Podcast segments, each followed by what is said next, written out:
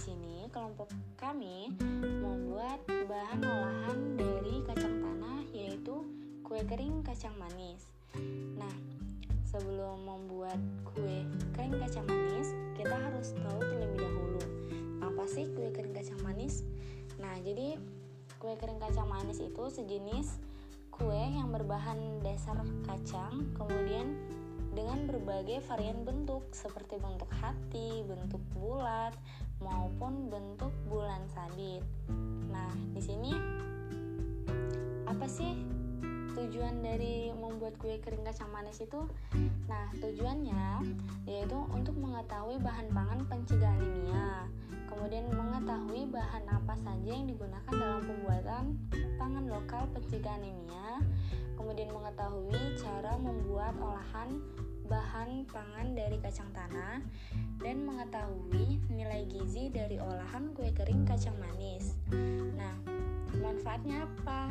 Nah, jadi manfaat dari kue kering kacang manis yaitu uh, sebagai bahan pengajar dalam pengolah kacang tanah untuk mencegah anemia yang dapat menjadi makanan atau cemilan yang bisa dikonsumsi.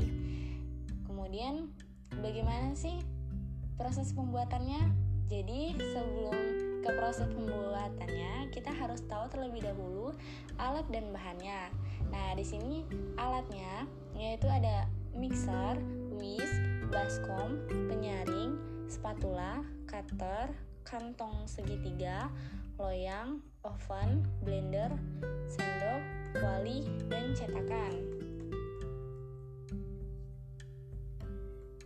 Bahannya, di sini kita menggunakan 250 gram kacang tanah yang sudah disangrai, kemudian 300 gram tepung terigu, 200 gram gula halus, 125 ml minyak kelapa sawit, 15 gram susu bubuk, 15 gram mentega, 5 gram garam dan 20 gram kuning telur. Nah, di sini nih cara pengolahannya. Nah, jadi untuk cara pengolahannya yang pertama, kita harus sangrai terlebih dahulu kacang tanah hingga matang. Lalu kita haluskan dengan menggunakan blender. Kemudian yang kedua, kita mencampurkan kacang tanah, tepung terigu, gula, susu, mentega, dan garam, aduk hingga merata. Kemudian tuangkan minyak goreng pada adonan lalu dicampur. Yang keempat, kita pipihkan adonan lalu bentuk sesuai selera. Lalu letakkan pada loyang yang sudah diolesi dengan mentega. Kemudian kita panggang di oven 160 menit sampai setengah matang lalu kita olesi dengan kuning telur kemudian kita oven lagi hingga matang. Nah, yang terakhir kita angkat dan dinginkan. Lalu kita simpan pada toples yang kedap udara. Nah, teman-teman, gampang kan untuk cara pembuatan dari kue kering kacang manis? Nah, di sini kita juga uh, sudah menghitung nilai gizi dari kue kering kacang manis ini.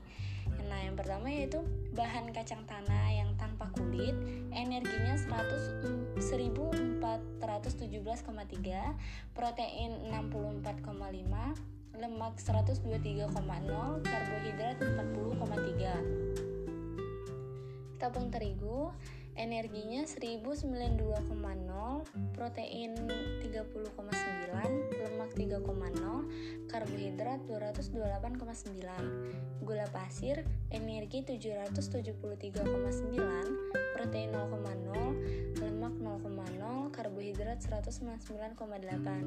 Untuk minyak kelapa sawit energinya 1077,6, protein 0,0, lemak 125,5, karbohidratnya 0,0.